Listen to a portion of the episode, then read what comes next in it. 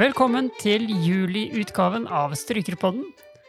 Jeg heter Brynjar Lien Skjulerud, og med meg har jeg som vanlig Anders Melhus. Hallo, Anders. Hei sann. Ja, da befinner vi oss for anledningen i Bodø og skal gjøre sesongens siste konsert i kveld. Det har jo vært en veldig spesiell sesong. Absolutt. Det er jo første gangen vi er i Bodø i år, faktisk. Ja, tenk på det, vi som pleier å være her sånn flere ganger i måneden. Ja, det er uvant. Det er uvant. Men vi får jo spille symfoniorkester.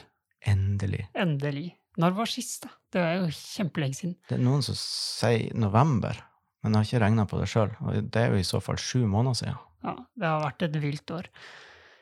Eh, Men nå står jo sommeren for døren, og det ser ut som om eh, vaksinen eh, brer om seg i landet vårt. At vi kanskje kan håpe på en mer normal høst. Det hadde ikke vært så dumt. Nei, absolutt ikke. Eh, I dag så har vi jo fått eh, intervjue en av Norges virkelig store stjerner rundt om i verden. Elbjørg Hemsing. Eh, og hun har jo vært solist med ja, alt som kan krype og gå av norske orkestre, så vidt jeg vet, og en haug med utenlandske orkestre, og reiser verdens, verden rundt. Spiller store filmkonserter. Er på de største kammermusikkfestivalene. Spiller på en av verdens beste fioliner.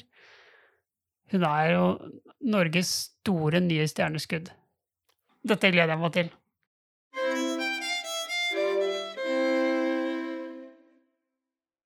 Hjertelig velkommen til Strykerpodden, Elbjørg. Jo, tusen takk. Kjempehyggelig å få være her. Ja, det var jo flaks eh, at du var i byen eh, og spilte konsert. Det er vel vi som har invitert deg, for så vidt. Eh, ja, det er det for så vidt. Nei, men det var egentlig, egentlig bare litt flaks at det var mulig å gjennomføre. For egentlig så skulle jeg jo spilt med orkesteret for et par måneder siden. Ja. Og så ble det utsatt en måned, og så en til. Og så nå har orkesteret forsvunnet, men en pianist har kommet selv før. Så det er Ja, litt, eh, litt koronatider. Ja. Ja. Og jeg hørte at det var en vellykka konsert i går. Tusen takk. Tusen. Det er helt fantastisk å få spille igjen. Det er i hvert fall sikkert. Ja. Du, jeg har lyst til å bare starte litt ved begynnelsen. Ja. Eh, Du kommer jo fra Valdres Ja, stemmer. og vokste opp der. Hva er det som fikk deg til å begynne å spille fiolin? Det var nok eh, Det var jo helt garantert eh, heimen, for å si det sånn, med mamma som er fiolinist. Og jeg spiller hardingfele. Og har en storesøster som heter Ragnhild, som er fiolinist. Og vokste jo opp med musikk rundt oss hele tida. Enten det var mamma som spilte, eller sang noen bånd- båndslåtter ved sengekanten, eller alltid hadde et eller annet prosjekt på så var på en måte huset alltid fylt med musikk. Og det å spille ble en veldig sånn naturlig ting å gjøre. og Mamma er jo pedagog for unge barn, så hun var jo veldig bevisst på dette her, at det skal jo være moro, det skal være artig, det skal være en, en eh, kanskje en miljøting, på en måte, mer enn en sånn prestasjonsgreie.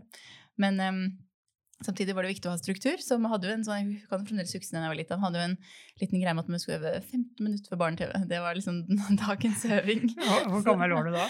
Jeg var kanskje sånn fem-seks. Ja. Så eh, det var litt sånn, ja, må komme litt i gang. Og så etter kort som en fikk jo mulighet til å spille konserter. Jeg hadde jo min første konsert da jeg var seks år gammel for kongefamilien på 17. mai i, på Nationaltheatret i Oslo. Og det er klart at jeg tror nok da klikka det kanskje litt for et par biter som kom litt på plass med, med det at man faktisk må øve litt for å oh, ja. komme seg videre. Så da ble vel den barnehagedelen, si, barne-TV-delen ble vel utvida litt. Men eh, ja, da ble det litt mer øving etter hvert. litt bare tort. Ja.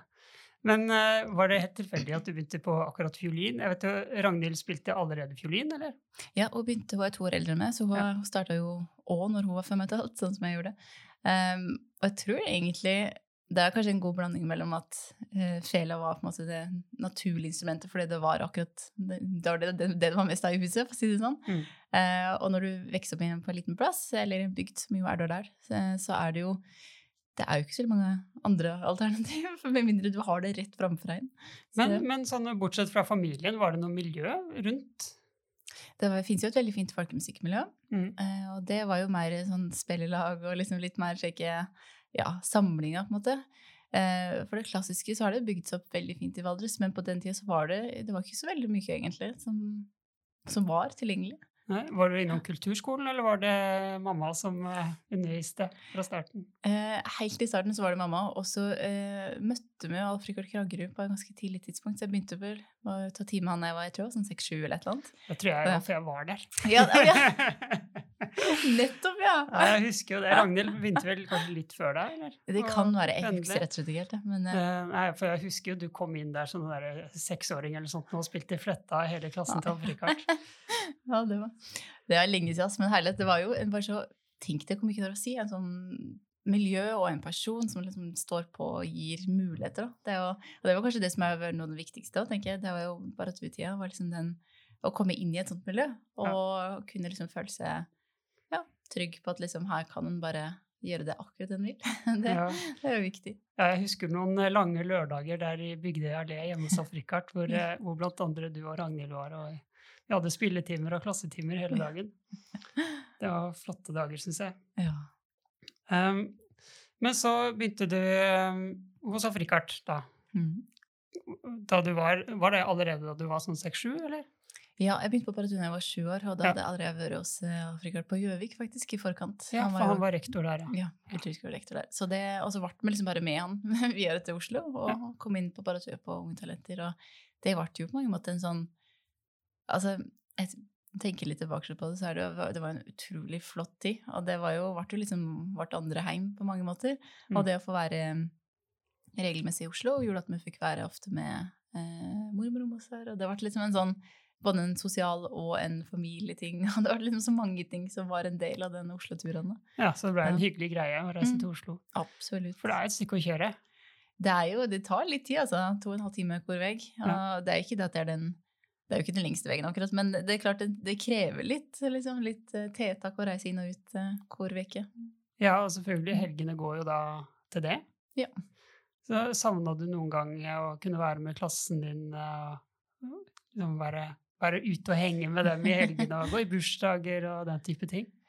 Jeg føler på mange måter at jeg fikk med meg så mye allikevel som jeg var borte. Det var bare litt sånn planlegging og tilrettelegging. Eh, Men på den annen side så må jeg si jeg er ekstremt glad for å ha hatt så forståelsesfulle omgivelser, som så på en måte at dette det var liksom verdt det å, å, å kunne gå på en ekstern skole i Oslo. Fordi det, det ga så mye tilbake på andre måter. Mm. Hvordan var det sånn sosialt da? Eh, hjemme? Hvordan så de på at du hele tida øvde og dro til Oslo og spilte fiolin? Var det liksom sosialt akseptert, eh, for å si det sånn? Det var faktisk det, og på mange måter så tror jeg det lett kunne ikke være det, for å si det rett ut. Men Ja. det var jo eh, Det var alltid veldig et veldig bra miljø. Jeg hadde utrolig flotte folk i klassen. Det var på en måte bare sånn var det bare. Det var ikke noe Ikke nødvendigvis um, For meg så føltes det ikke som en veldig big deal, og det tror jeg ikke folk heller tok det som, for nettopp fordi det var veldig avslappa og veldig greit. Og jeg var jo med på alt jeg si, måtte være med på, men ting som jeg også kunne være med, være med på. Og så ble det jo litt eh, etter hvert når en fikk litt større muligheter til å, eh, og ikke minst reise en del i utlandet, så ble det jo på en måte kanskje litt sånn eksotisk del av å kunne ta med en del av den delen av verden inn til vesle Valdres. Det Mm. tror jeg det jeg syntes var ålreit. Ja. Men du sa det var et fint sånn folkemiljø, folkemusikkmiljø Mm. eh, i Valdres. Og på hvilken måte har den folkemusikken forma deg som musiker? Mm. Det er Jeg tror det er en ekstremt viktig del av både kanskje spillestil, men ikke minst måte å, å, å tilnærme seg musikk på. Det som jeg er virkelig glad for å ha fått fra folkemusikken, er jo kanskje rytmeforståelse eh, og eh, tonalitet. Og det å kunne være fleksibel. Og det å kunne ha to instrument som egentlig Du spiller på det veldig forskjellig, for å si det mildt. Du kan jo ikke bruke samme bøgeteknikk eller samme venstre-håndsteknikk på noe som helst måte. Og det å kunne bytte mellom de to, det tror jeg er en stor styrke til å være mer fleksibel når det gjelder andre ting. Da. Har du alltid spilt både hardingfele og flatfele, eller hva skal jeg kalle det, eh, parallelt? Ja, det har jeg. Men det, eh, i det seinere året, altså type ti siste året kanskje, om ikke mer, så er det klart at det er jo alltid vært mest vanlig fele. Eh, fordi det krever så mye mer um, øving, rett og slett. Det krever mye mer tid. Um, men jeg syns det er viktig å holde hardingfele ved like og spille. Men det som er utfordringen der, er jo bare at så mye av det er jo kun eh, Altså, du lærer ting vokalt, på en måte. Så det er jo veldig litt som er nedtegna. Så for at jeg skal huske på alle disse låtene og slåttene og alle spillet, så må jeg passe på å spille litt iblant, ellers så blir det bare borte. Ja. Mm. Har du noen rutiner på det, eller er det sånn Nei, nå har jeg lyst til å spille litt hardingfele i dag. det er jo kanskje litt mer det, men jeg prøver å gjøre noen prosjekt her og der. Ja. Så jeg har jo et par ganger i året, om, om det går an, så spiller jeg en del med et litt sånn overskuddsprosjekt med Ragnhild og Gjermund og Einar Olav Larsen. Så det er, det er veldig ålreit. Da får vi liksom brukt litt av den, den foten nå. Ja. Jeg tror det er veldig lurt å være allsidig. Mm. Um, etter hvert så begynte vi å studere, Mm. og um, gikk hos Stefan, gjorde du det? Jeg gikk hos Stefan Barretue i, i tre år, tror jeg. To-tre år. Mm. Mm. Uh, hvordan var den tiden der? Den var veldig fin. Den var, den, altså, Stefan er en fantastisk pedagog og en veldig artig person å prate med, som har eh, veldig sterke meninger om mange ting, men han er på en måte en artig type som må eh, utfordre den litt. Og det var kanskje det jeg trengte var litt på det tidspunktet. Eh, grunnen til at det ble litt kort periode med var for at jeg begynte med en, eh, i, i Wien med en annen pedagog. Så det ble litt sånn overlapping, og så reiste jeg ut etter kort eh, Mm. dit i stedet for. Men eh, det var en veldig fin periode. Men hvordan var det å komme til Wien, da? Det var en helt annen verden, for å si det mildt. Og det, jeg begynte hos en, eh, en fantastisk pedagog og en lærer som heter Boris Korsenir, som er er veldig kjent for å ha um, oppfostra eh, noen fantastiske journalister som Julian Rachlin og Nicolai Schneider og ja, en haug med folk. han er. Eh, var, men å komme til han, det var jo helt vanvittig bra på en måte, men òg veldig, veldig tøft, for å si det mildt. For han første han sa til meg, var Altså, jeg hadde jo tatt noen timer an i forkant og merka at her er det en person jeg virkelig kan stole på, og jeg har lyst til å lære fra han, jeg har virkelig lyst til å bli en bærfeminist. Um, det første han sa til meg, var at eh, nå, hvis du skal begynne hos meg, og det vil jeg at du skal gjøre På det tidspunktet her så var jeg 16-17 eller et eller annet, og han sa liksom, da må du Du kan ikke spille noen konserter på ett år, og du må lære det å spille på nytt. Og det var litt den derre Hm, ok, det var jo en litt eh, brutal beskjed å få. Eh, og det var heller ikke sånn Jeg hoppa jo ikke i det med en gang, det må jeg være ærlig og si. Jeg måtte tenke litt på det, fordi det var liksom det å gi opp noe som var så kjent på mange måter. liksom Måten å uttrykke seg på Hadde jo på det tidspunktet ganske regelmessig konsert, da reiste jo en del. Det var liksom hele identiteten som lå i akkurat det. Men samtidig så kjente jeg veldig på det at jeg, jeg føler ikke at jeg var god nok. At jeg hadde så mye mer å gå på. Og, og var jo, noen ting var jo litt frustrerende i forhold til teknikk eller andre ting som bare ikke fungerte optimalt. Så jeg visste jo på mange måter innerst inne at det, det var veldig viktig å gjøre dette her. Fordi det, ellers så kunne jeg kanskje fortsatt i en sånn type to-tre, kanskje femårskarriere, og så kanskje var det over. Fordi du rett og slett ikke var utvikla nok for å takle det sirkuset som det jo egentlig er når du først starter opp med dette. Så da bestemte jeg meg rett og slett for å bare nesten trekke meg helt ut fra miljøet som var her i Norge, og reiste jo til Wien. Um, og starta rett og slett på det eh, løpet med Korsnir.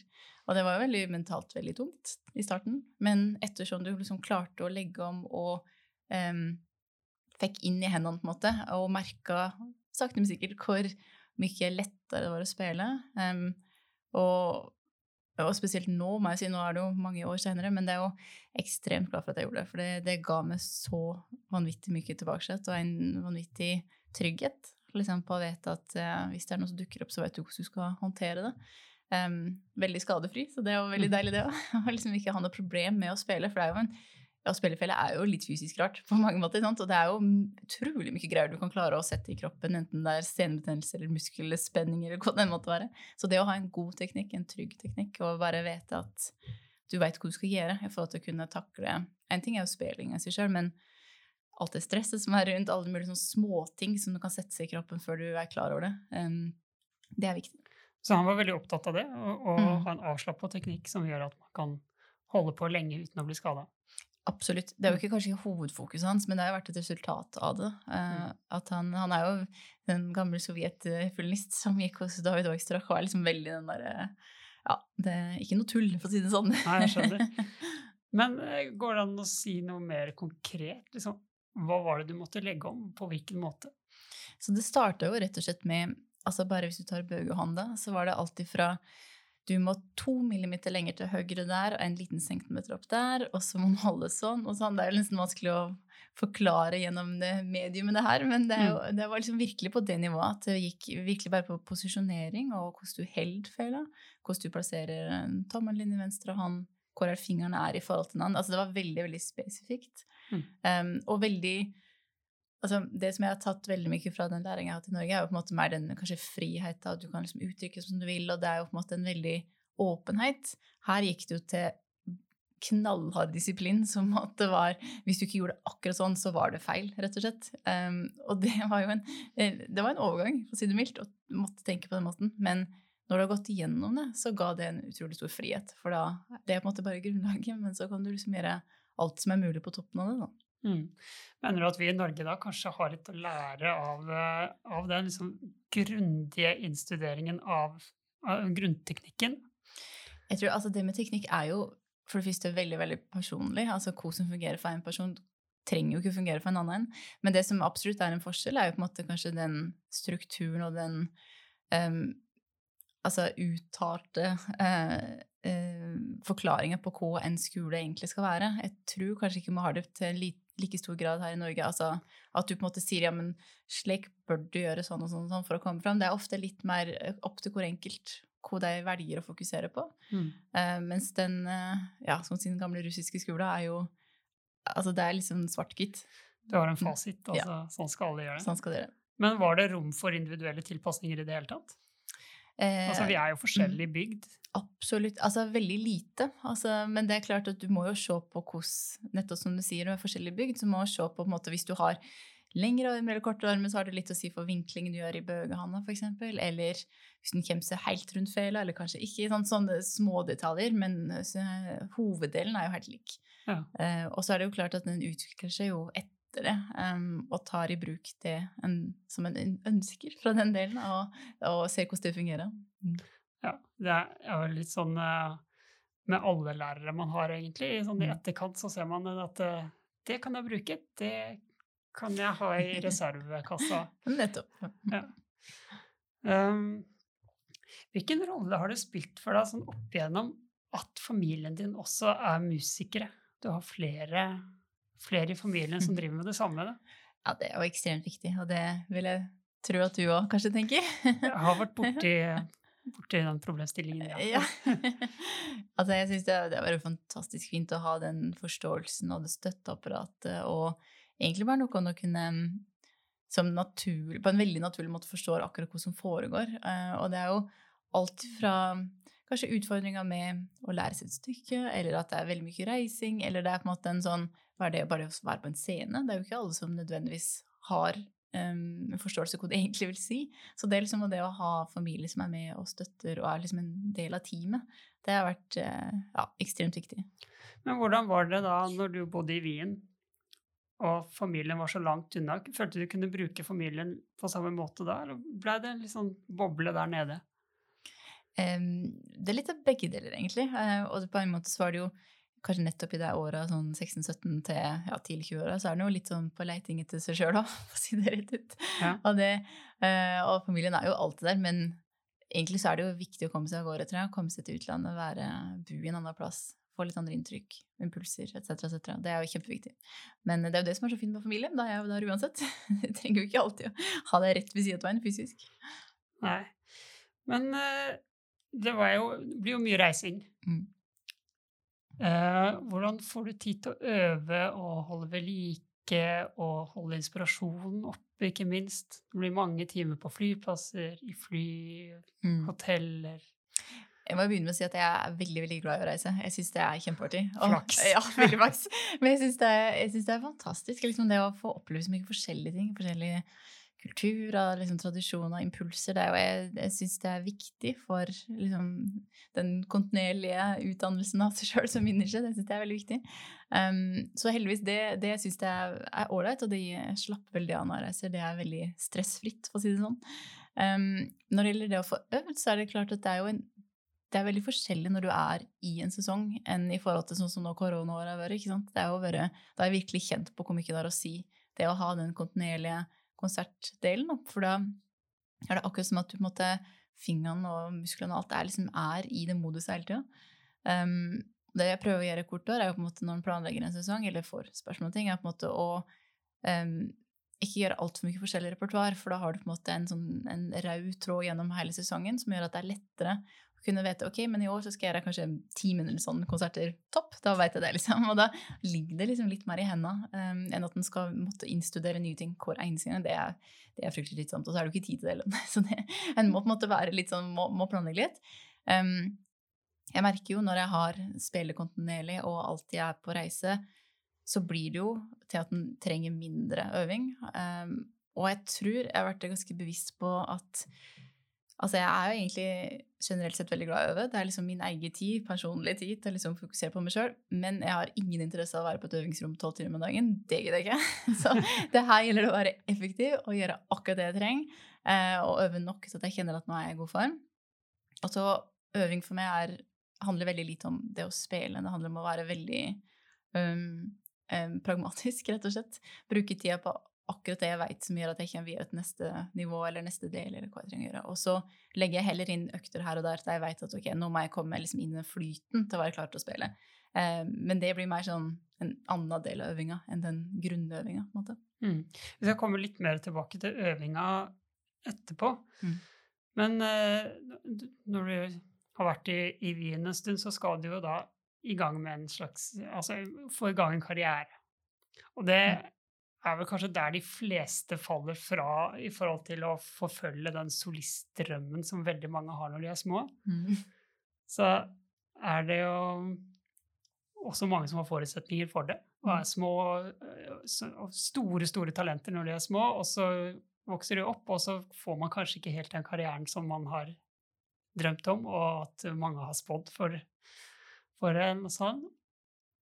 Hvordan er det skrittet å ta fra å være ungt talent til å bli en voksen solist? Det Ja, hvor skal jeg begynne? Det, um, jeg må jo si på mange måter Jeg jo, var jo litt i det løpet da jeg var lita, liksom, og det er klart, i Norge så er du veldig ekstremt heldig og får så mange muligheter, og alt er liksom lagt til rett. Og det er liksom ikke måte på. Og det er jo, det er jo helt vilt, egentlig. Um, og var jo på en måte veldig i det løpet med ja, liksom litt energi og ting som skjedde. Eh, og så bestemte jeg meg jo for at nei, men dette er jeg ikke helt klar for. Jeg er ikke klar for neste steg. Jeg må rett og slett Jeg har lyst til å bli bedre. Jeg har lyst til å jeg er nysgjerrig til å liksom, se hvor langt jeg kan strekke meg. Så da reiste jeg ut til Wien og trakk meg som sagt veldig ut av ting. Mm. Um, så overgangen fra liksom, å gå fra å være et ungt talent til å være såkalt voksen musiker, det, det er jo ikke bare lett. Um, og det er jo litt fordi en har på en måte kanskje på mange måter hatt liksom, sjansen på at du må følge det løpet som du har vært inni. Eh, og det å komme tilbake til det har på mange måter vært litt eh, Ja, kanskje litt rart på en måte. Men på en annen side så tenker jeg at det er jo eh, ekstremt viktig å tenke altså som journalist og som musiker eh, Man kan jo spille til meg ramler om, ikke sant? Så det er liksom Det å skulle gjøre alltid når du er 20, det var på en måte, det ga meg ikke så veldig det, liksom, det ga liksom ikke helt mening for meg. Så jeg hadde lyst til å bruke mer tid på faktisk eh, ja, utvikle meg. En ting er jo eh, rent spillmessig, men det er jo så mange ting en har lyst til å oppleve. og og det, når du skal måte formidle såpass fantastisk musikk som vi har, så må du jo ha noe å formidle. og da må du jo oppleve ting for å liksom ha eh, litt referansepunkt og kunne liksom kjenne på alle nyansene og følelser og alt som er. Mm. Jeg må jo si, det var jo det var et modig valg å skulle dra fra altså var, Her var du allerede en up and coming, ikke sant? Stjerna som skulle, som skulle ut i full blomst, og så sier du nei, jeg drar til, jeg drar til Wien. ja. Avslutter alle konserter som eh, Altså, du, du var på en, eh, en sånn eh, bane, og så bare kutter du den. Og kommer tilbake igjen da senere og fortsetter på en måte, men da som voksen. Mm. Det var jo Jeg tror nok det var Det er, det er ikke mange som har sagt det direkte til meg, men det, var jo nok en del spørsmål fra deg som var veldig tett på meg i miljøet, og hadde jo akkurat vært gjennom hele den Eurovision og virtuoskonkurranser og hadde fått en platekontrakt på bordet fra Warner Classic. Så det var liksom ikke Det var veldig mye som lå i veggen. Men Eller lå ikke i veggen, men på veggen. det, Ja. Men det bare Den der følelsen derre Jeg følte meg rett og slett ubekvem. Altså litt den derre dette ja, liksom, hvor skal jeg gå nå, på en måte? Det, det, ja, var, det var bare ikke rett timing, og det stoler jo veldig på intuisjon. Når du måtte føle det sånn, så tenkte jeg dette her går jo ikke. Det må, nå må jeg gjøre noe valg. Eh, og jeg er ekstremt glad jeg gjorde det nå. Men det er klart der og da så var det jo litt sånn Det var kanskje litt rart. Men da, etter du har vært i, i Wien, hvordan er det da å komme tilbake igjen og skulle liksom gjenoppta og bygge en karriere igjen etter at du på en måte har sagt nei i noen år. Altså jeg var, mens jeg var i Wien, så det er klart, etter det året med ingen konserter, så begynte jeg å spille konserter igjen. Og jeg hadde Ja. jo mitt agentur på det tidspunktet i, i London. Ja. Så det var på en måte, jeg jobba jo en del internasjonalt, men jeg var ganske lite i Norge. Um, men det er jo litt sånn det som er jo fantastisk her i dette landet, at det er jo heldigvis små miljø. Så det er måte mange av de som har studert med eller gått sammen med, det er jo det fremdeles. Så det, jo, det, jo, det å komme tilbake var jo egentlig bare veldig fint. Det er jo et um, og samtidig liksom det å kunne Nå bor jeg i Oslo etter Jeg har bodd ti år i utlandet, men nå bor jeg i Oslo nå. Og det har over en sånn øyeåpner liksom hvor mye egentlig det Rødtaden har å si for en. Og liksom det å lande litt og være Ja, liksom slå seg litt til ro. Det, det har vært viktig. Mm. Eh, skal litt over til eh, litt sånn eh, konkrete øvingstips. Nettopp. For det første, jeg spør alle gjestene her om det. Har du en Mm. favorittøvelse? jeg har ganske mange, faktisk. Men det som jeg aller, liker aller, aller best å gjøre, er å første jeg gjør når jeg tar opp fela, det er å gjøre oktavøvelser. Det syns jeg er helt herlig. Da føler jeg liksom da han har plassert rett. Eh, og på en måte den, akkurat det grepet ligger liksom Da, da går, kan du spille helst etterpå, så lenge du har oktavene på plass. Så det er det første jeg gjør. Helt konkret, hvilke øvelser gjør du med oktaver? Du, det er faktisk min egen øvelse. så det Ja, er ikke så lett å gi. Følg med, folkens! Her kommer uh, Elbjørg Hemsing sin oktavøvelse. Oktavøvelse. Nei, så det Egentlig, det går bare Altså, du vil ha veldig detaljer på dette her? Absolutt. Ok, skal jeg prøve å forklare. Um, det er jo, uh, egentlig er det veldig veldig enkelt. Altså, det er bare um, første og fjerde fing oktaver. Eh, og så bare sørge for at du har alle tonene imellom, og gjør forskjellige øvelser. Og spesielt løfte de andre fingrene bare for å få den styrka, sånn at du føler som at hele hånda er i rett um, formasjon. da. Eh, og det gjør jeg liksom oppover på alle strengene, opp og ned. det, og det er akkurat som at det, det var litt sånn, det har vært en sånn rutine, og bare en sånn ja, nei, men da har jeg varma opp, på en måte. Eh, Og får i gang fingrene litt. Liksom det bare kjenne på, Du kjenner hendene. Og så når du repeterer den hold, altså det oktavholdet um, over en periode, så er det akkurat som at det bare sitter i. Um, og det gjør at intonasjonen blir veldig mye lettere for egentlig alt mulig annet. Så det har blitt en sånn vane som jeg liker å gjøre. Bra. Ja. Bra tips. Ja. uh, og, og andre ting uh, Når du skal begynne å øve på et nytt stykke som du ikke har spilt før, Mm. hvordan går du i gang? Så jeg har litt sånn trinnvis tilnærming, som jeg gjør med egentlig nesten alt. Første jeg gjør, er å sørge for Altså spiller uten musikk, for å si det sånn. Bare spiller det som faktisk står, og da er det å gå på intonasjon. Eh, spesielt og sørge for at alt ligger greit, og prøve å finne litt ut av fingersetninga, men det steget kommer litt seinere. Men det, liksom, aller første er bare å liksom, kjenne litt på enten det er løp eller andre ting, men at eh, intonasjon det er det viktigste. Det må være på plass. Um, neste steg etter det er jo å få opp tempo, uh, og da øver jeg alltid med metronom. Det, har, uh, det synes jeg er veldig viktig. Men ikke nødvendigvis metronom for å spille sakte, men det er tvert imot omvendt. Jeg pleier alltid å legge tempoene veldig høyt, fordi jo høyere du legger tempoet, tempo, jo mer overskudd får du når du da går tilbake i det tempoet du egentlig skal være. Så du øver sånn overtempo Alltid. Ja. med metronom. Alltid over tempo. Um, og det er på en måte og det gjør at jeg finner mer ut av timinger ofte. Det er en del ofte når, Hvis du spiller helt ut, av og jeg har tatt meg sjøl på så mange ganger, når jeg spiller et eller annet, og så tenker jeg bare å, nå har jeg spiller jeg veldig jevnt og fint, og så har du, har, ser du metronomen etterpå, så bare oi, jeg hadde faktisk utrolig med mer tid til å ta i akkurat den svingen der, eller en overgang der, eller andre ting. Så jeg syns det er et veldig stor hjelp. Det gir meg stor frihet. Og så gir det en sånn nå bruker jeg ordet struktur mye i dag, men det er, jeg synes det er viktig liksom, å ha den strukturen på å vite da, hvor jeg kan ta friheter. Så det, så det er liksom ofte steg to. Og så begynner jo egentlig det som er kjempeartig, og nettopp det å kunne leke seg litt og prøve ut forskjellige ting. og det er jo enten det er forskjellige fingersetninger eller um, stemninger eller karakterer eller hva som helst. Men så lenge en bare har den basicen med intonasjon og rytme, um, så kan du egentlig gjøre hva som helst. Og det er, som sagt, det er virkelig den artige kjemien. Ja, går det an å, å si noe om hvordan du finner din tolkning? Mhm. Hvordan gjør du den eksperimenteringen, lekingen? Hva, hva er det som foregår på øverrommet når du skal finne en uh, Elbjørgs tolkning av Mm. uh, en filmkonsert, eller hva det er? ja, nettopp. Det som jeg syns er til stor jobb, er jo på en måte å finne ut av hva slags type Altså For å finne den type klangen man har lyst til å få, så er det ofte hjelp å lage en slags um, ikke nødvendigvis historie, men bare sette i en kontekst. Så for eksempel, det er jo noen stykker som er lettere enn andre å finne den type ting på, som for eksempel hvis en, du vet at det er en veldig dramatisk kjærlighetshistorie, så klart, da ligger det ganske automatisk inn en veldig romantisk lyd, eller en, kanskje en veldig lidenskapelig, eller hva den måtte være. Andre ganger når det er på en måte helt åpent hva er det egentlig dette her handler om, Eh, da kan du gjøre litt ut av det sjøl, for å si det sånn. Mm. Eh, men jeg tror det å finne liksom den nyansen i spillet, det, det, er veldig viktig. Og så er det jo eh, ofte til stor hjelp er det å liksom, egentlig bare ha det litt morsomme ting. At det ikke alltid Altså, jeg tenker veldig ofte at um, alle fraser det er litt sånn som skuespill, at det er deres setninger. Og du kan jo ikke si en setning i helt samme toneleie og ikke ha noe som helst nyanse. sånn, tenk så kjedelig det må være å høre på. Og det samme gjelder jo for oss som er instrumentalister, at det er på en måte vår stemme og vår måte å prate på. Så det å på en måte kunne alltid tenke at det du sier, har faktisk nesten ord bak seg. Ja, det trenger ikke å være faktisk ord, men for meg så hjelper det bare det å tenke at det er du liksom artikulerer og, og sier på en måte tydelig det du skal få fram. da. Mm. Men uh, gjør du alltid den rekkefølgen? Først intonasjon, rolig, bare tone? Ja, det gjør jeg alltid. Og det er egentlig bare for å få fordi um, Og det har jeg, det har jeg ikke alltid gjort, men det er en sånn måte jeg har øvd de siste par åra, og det gjør at hele prosessen med å lære seg stykket går utrolig mye raskere. Og som sagt, det å være mest mulig effektiv når du øver, um, og prøve å ha høyest mulig kvalitet på øvinga, det er viktig.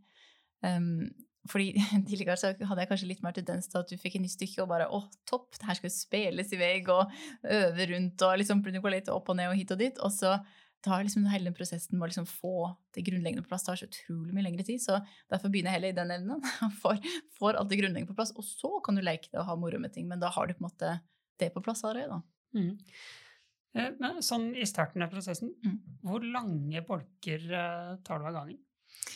Altså, det spørs jo helt hva jeg trenger å gjøre, men jeg har en litt sånn Jeg foretrekker å øve i Altså, jeg eh, når jeg øver, så beregner jeg alltid i 15-minuttsintervall. Um, ikke fordi at jeg øver 15 minutter, men fordi hvis jeg ser at nå har jeg øvd én time, og nå har jeg gått fem minutter over, ok, da må jeg ta ti minutter. Da er jeg liksom innså jeg alltid innom 15 minutter. Men uh, det er bare en sånn litt rar greie jeg har. som jeg synes det, er, det hjelper meg å holde som sagt, struktur. Det, er, det er liksom dagen, ja, det er dagens ord, altså. Men ja, det, men det hjelper, syns jeg. Og det, og det er nettopp det at uh, noen ganger når du bare sveler og skal trenge å spille om ting, det er klart, da ser jeg jo ikke på klokka, da spiller det ingen rolle. Men akkurat for det arbeidet her som er veldig det er veldig intenst og veldig sånn nitidig, liksom, da syns jeg det hjelper å på en måte ha en vet at ok, nå øver vi fra dit til dit, og akkurat på 15 minutts intervall. Det, det hjelper. ja, smart tips. Ja. Um, og så nærmer det seg konsert. Mm. Du skal spille utenat. Mm -hmm. Lærer du ting fort utenat? Ja, og jeg foretrekker å spille utad enn med noter. Jeg syns det er veldig forstyrrende faktisk, ofte å ha noter. Og det er jo klart det er jo litt kjedelig når du spiller mye kammermusikk. Da er det jo blir sånn åh, må jeg virkelig se på disse notene? Men det, jeg syns det beste er jo å spille ute, og det tror jeg faktisk har kommet litt fra det å, å vokse opp med mm, folkemusikk. Nettopp den derre du skal lære alt ut at liksom, det, ikke, det fins ikke noter. så hvor gjør du da? så må du lære det ut at, Men jeg lærer mye lettere enn å måtte lese haugevis med noter. Det tar, det tar lengre tid, rett og slett. Så det foretrekker jeg. Men det som er jo For å bli konsertklar, så er det, og spesielt kanskje på ting som en ikke spiller nødvendigvis hele tida, eller andre ting, så er det virkelig til stor hjelp å kunne spille for noen i litt god tid, for der skjer det jammen mye fra det øyeblikket du må framføre et eller annet for noen, det, i forhold til bare det å gjøre det der eh, arbeidet på øvingsrommet. Har du noen uh, fortrolige, alt jeg må si, som du, som oh, du alltid spiller for? det er Ragnhild. ja, hun er helt topp på dette her. Og så er det jo utrolig herlig å ha noen som på en måte òg er en filmist, som på en måte er og ser og hører og er på en måte ja, driver med det samme, rett og slett. Men hun er en Ja, du kan jeg virkelig stole på. Og så er det jo viktig å ha noen som du kan spille for oss, som ikke bare er positiv for å være positiv, men som faktisk sier 'du, hør her', liksom. Eller kanskje ikke sånn. Liksom, og tør å si det. Det er litt viktig. Det er noe med å få de helt ærlige tilbakemeldingene. Absolutt. Ja. De får man kun av nærmeste familie, tror jeg.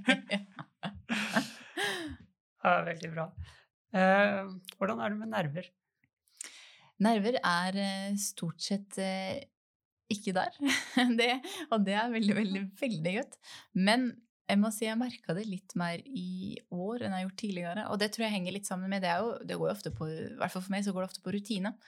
Når du spiller kontinuerlige konserter og er på en måte i det moduset, så er det nesten ingen nerver i det hele tatt, og merker veldig lite til det.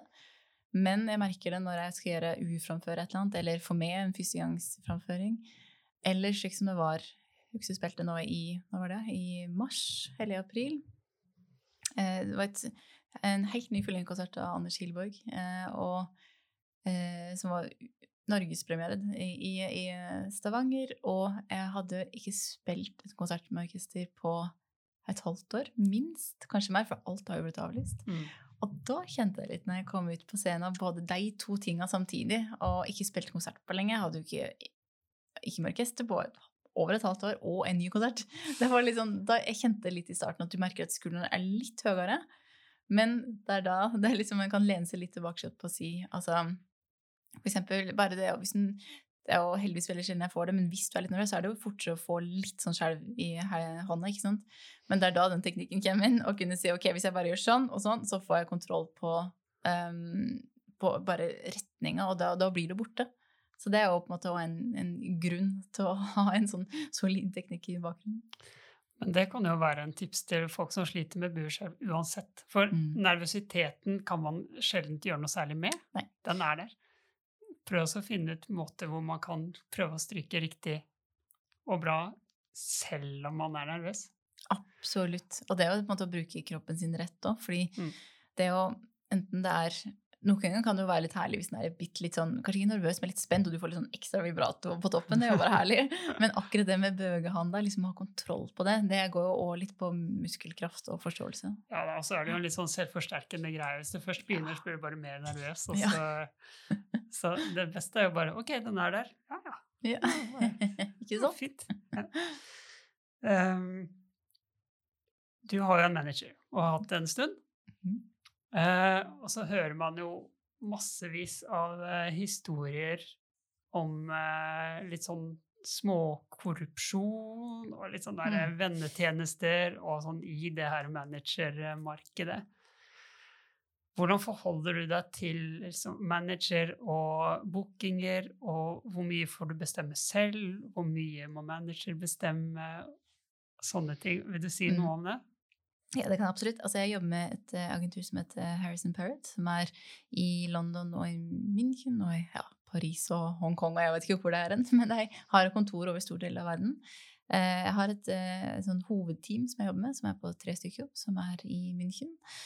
For meg så har det egentlig vært Det føles ekstremt trygt å vite at de er der. De styrer på en måte min dag-til-dag-timeplan og er jeg er jo der for å legge alt mulig til rette for at ting skal gå så smooth som både possible. Um, når det gjelder bestemmer sjøl, så er det klart alt blir jo tatt opp. Har du lyst til å gjøre dette? Har du ikke lyst til å gjøre det? Liksom, og alt blir jo diskutert, og det gir en veldig stor grad av frihet. Det er jo på en måte Det er ingenting jeg ikke, altså ingenting jeg trenger å gjøre bare for at de skal få litt mer penger. på en måte, Og det, det, er, det er en sånn grunnleggende tanke der, at måte, dette er for artistene, og dette er for eh, deres karrierer. Eh, også det føler jeg et veldig stor frihet på. Mm. Um, ellers så jobber jeg jo med forskjellige folk rundt omkring i, i verden. Jeg har et PR-agentur i New York blant annet, som jeg jobber med. Og, men det som jeg syns har vært veldig viktig eh, over egentlig flere år, er å på en måte ha litt, nettopp det å ha litt kontroll sjøl. At ikke alt skal være helt avhengig av at noen sitter der nede og ordner ting for en. på en måte. Så jeg har, um, jeg har et par selskap sjøl som jeg drifter og styrer med, og der går jo alle mulige andre typer prosjekter som ikke går direkte på det med konsertering eller um, å spille. Så det er på en måte en viktig del, tror jeg, å liksom ha litt kontroll over sin egen utvikling, men samtidig ha bra folk som er jobber med, som er eksternt. Mm. Hvor gammel var du da du fikk en uh, sånn manager?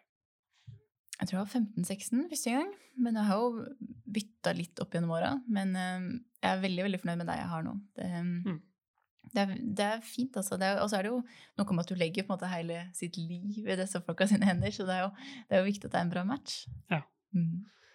Eh, er det, tar man selv kontakt med agenturet, eller er det de som tar kontakt med deg?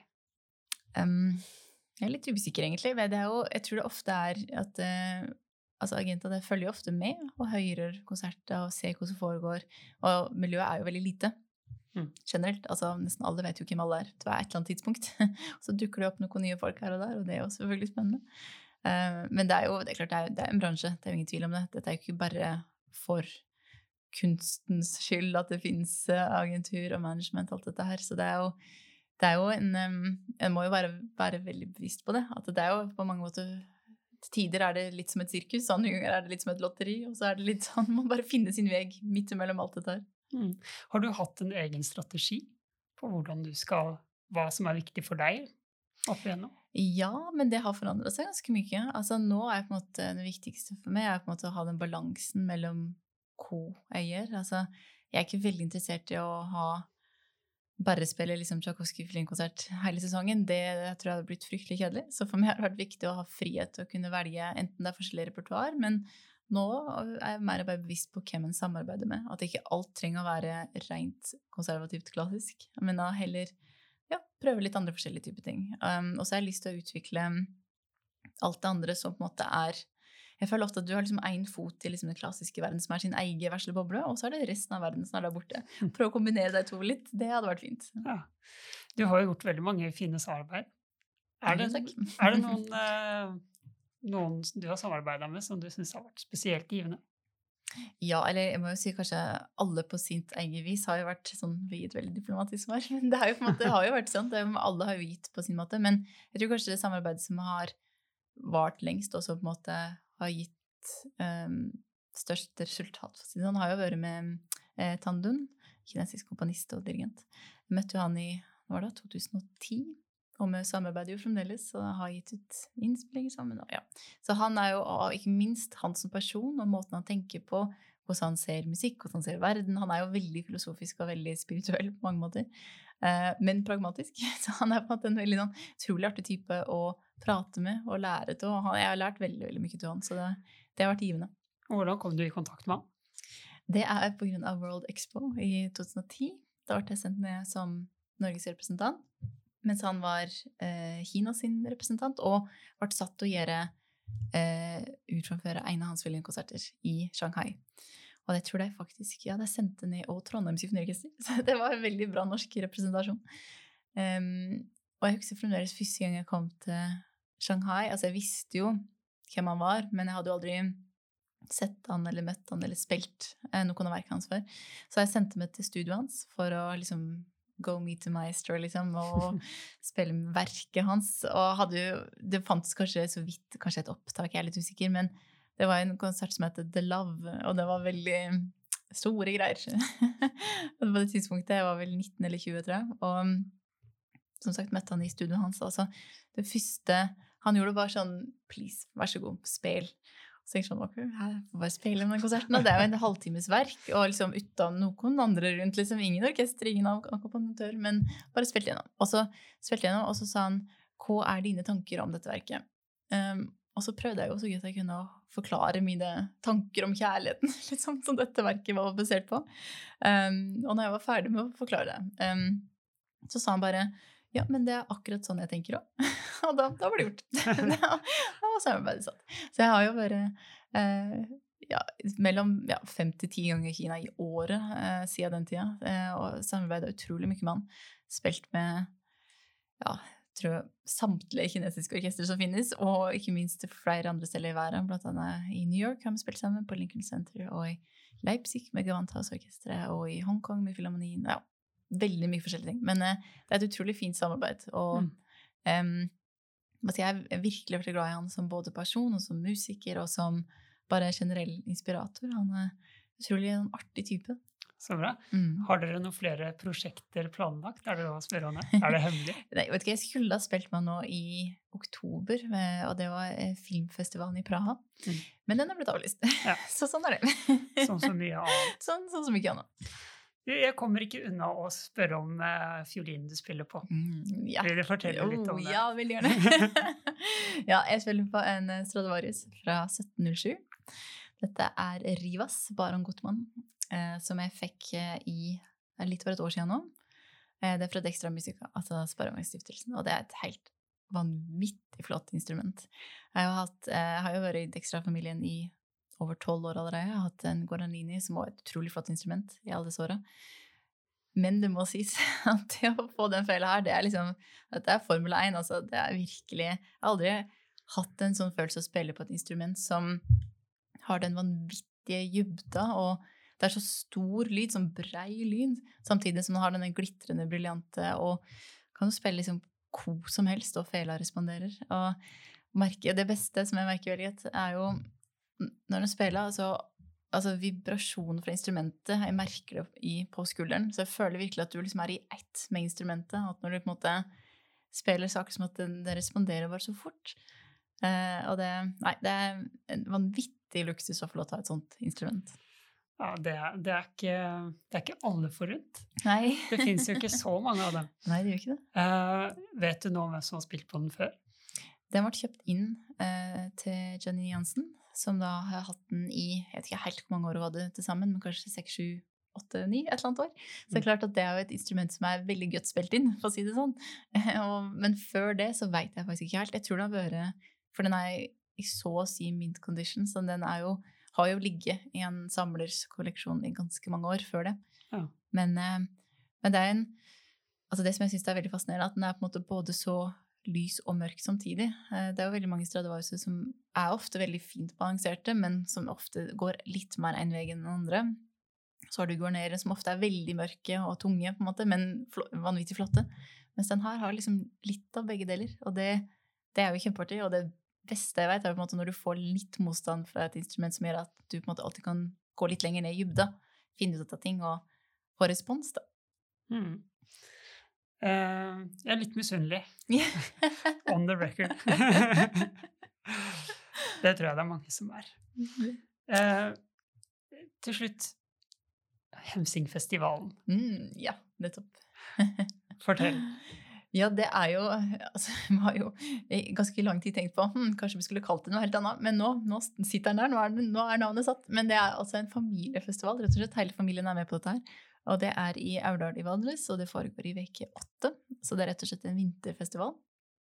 Eh, og egentlig tanken om å lage en festival kom jo fra bare at hele lokalsamfunnet i Valdres har jo vært utrolig støttende i så mange år. Man har fått så mye positivitet, og det har liksom alltid vært så mye ja, Det har gjort det lett da, på en måte å kunne være få lov å være fullist, rett og slett. Da- det var en helt vanvittig fin støtte, så vi tenkte nå burde vi jo kanskje gi, gi noe tilbake. Liksom, vi prøver å lage noe her, starte opp noe. Som starta jo med jeg, ikke over, men jeg tror vi hadde tre konserter på et par dager første gangen. at Dette er jo nå ni år siden nå.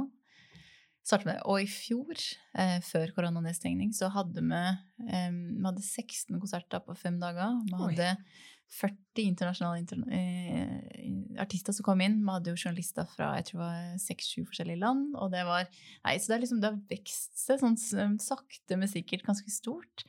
Um, og så er det jo helt fantastisk å se uh, hvordan lokalsamfunnet er med på det. Vi har jo så mange frivillige som er, har bare lyst til å ta del i dette her, og få liksom musikken eh, tett på. Så det, det er veldig stor glede. Veldig, veldig artig. Så bra.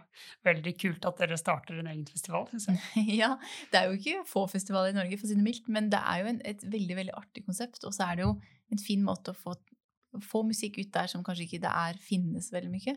Og på den annen side så er det noe med den kammerformatet også, som er veldig magisk. Mm. Det var veldig veldig hyggelig å prate med deg. Tusen tusen takk for at du ville stille opp i Strykerpodden. Bare hyggelig. Tusen takk for at jeg fikk komme. Ja, Lykke til på konsert i kveld. takk.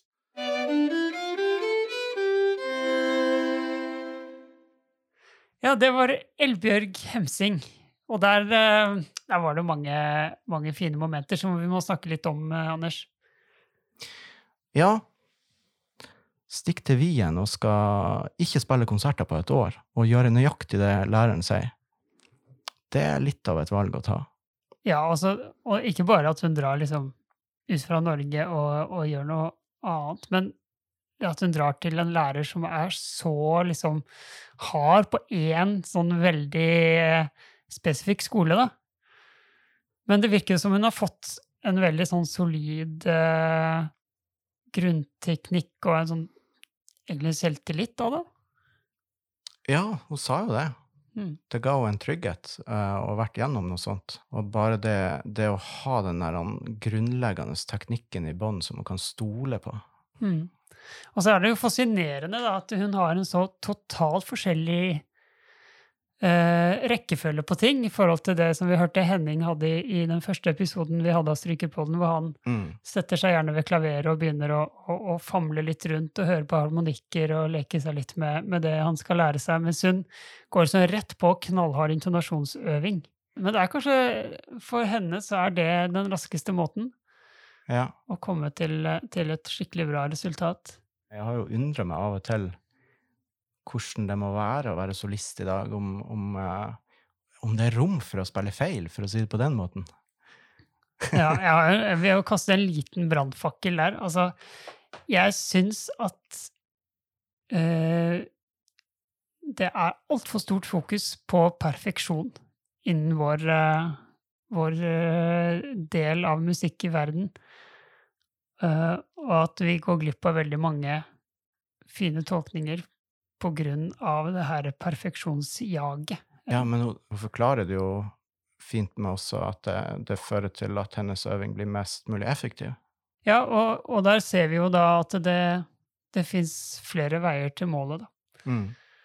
Og det er jo litt fint. Man må jo finne den måten som, eh, som passer en selv. Men eh, jeg vil også være veldig klar på at altså hvis man skal prøve noe sånn som når hun drar til Wien, så, så går hun jo 100% inn for det. Det er ikke sånn for å se om det passer henne, liksom. Hvis man skal prøve noen ting, så må man prøve 100 eh, Så kan man ta stilling til det i ettertid, hva man ønsker å ta med seg og ikke. Mm.